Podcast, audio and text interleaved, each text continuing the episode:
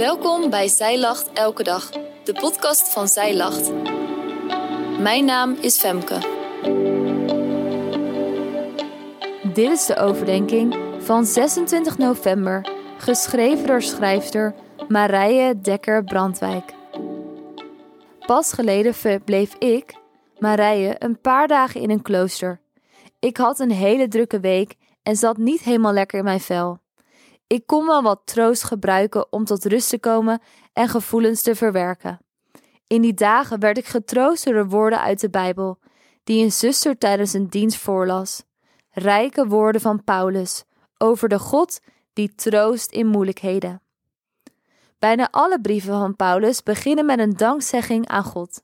Hoe mooi is dat? Voordat je je eigen woorden laat klinken, geef je hem eerst de eer.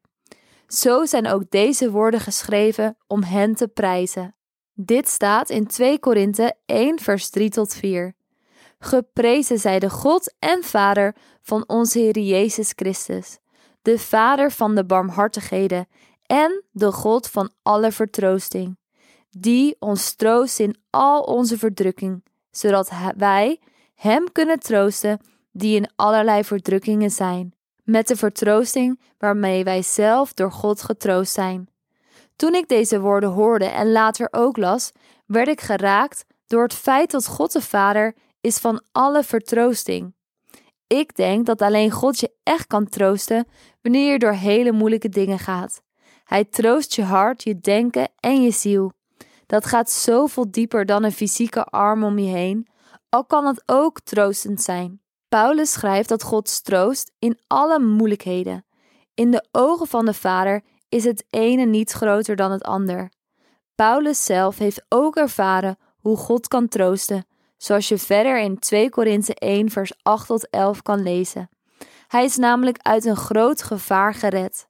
Bij het woord verdrukking, dat we hier lezen, kan het gaan om innerlijke, mentale problemen of letterlijk benauwdheid, zoals bijvoorbeeld vervolging.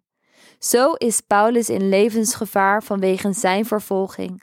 Het troosten van God is iets dat altijd door blijft gaan. Het stopt niet. Bij troost denk je misschien ook aan de Heilige Geest, die vaak wordt aangeduid als de trooster. Wanneer Hij in je woont, mag je God dus altijd om troost vragen wanneer je dit nodig hebt. Dit kan op verschillende manieren. Het kan zijn dat je bijvoorbeeld vrede ervaart of genezing op plekken van je hart die beschadigd zijn door een trauma. Hoe bijzonder is het wanneer je dat merkt? Maar God kan op zoveel manieren troosten. Hij kiest een manier die bij jou past. Misschien is dit wel door een liedje of een Bijbeltekst of iemand die een gebed over jou uitspreekt. God kan ook letterlijk troosten, zoals we bij Paulus zien. Paulus geeft, zoals je ook al gelezen hebt, antwoord op deze vraag, zodat wij Hem kunnen troosten die in allerlei verdrukking zijn, met de vertroosting waarmee wij zelf door God getroost zijn.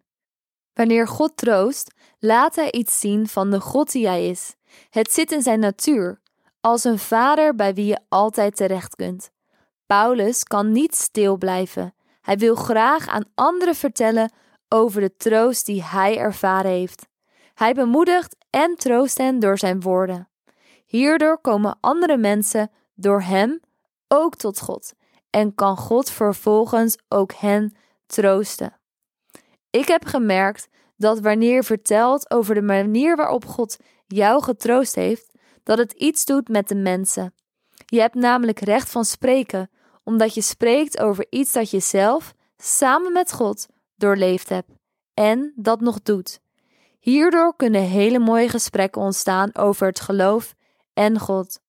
God troost nu ook op aarde, maar je kunt ook troost ervaren door de wetenschap dat eens en alle moeilijkheden voorbij zijn. Echte troost die alles te boven gaat. Troost in overvloed. Voordat je gaat, Advent start dit jaar op 3 december.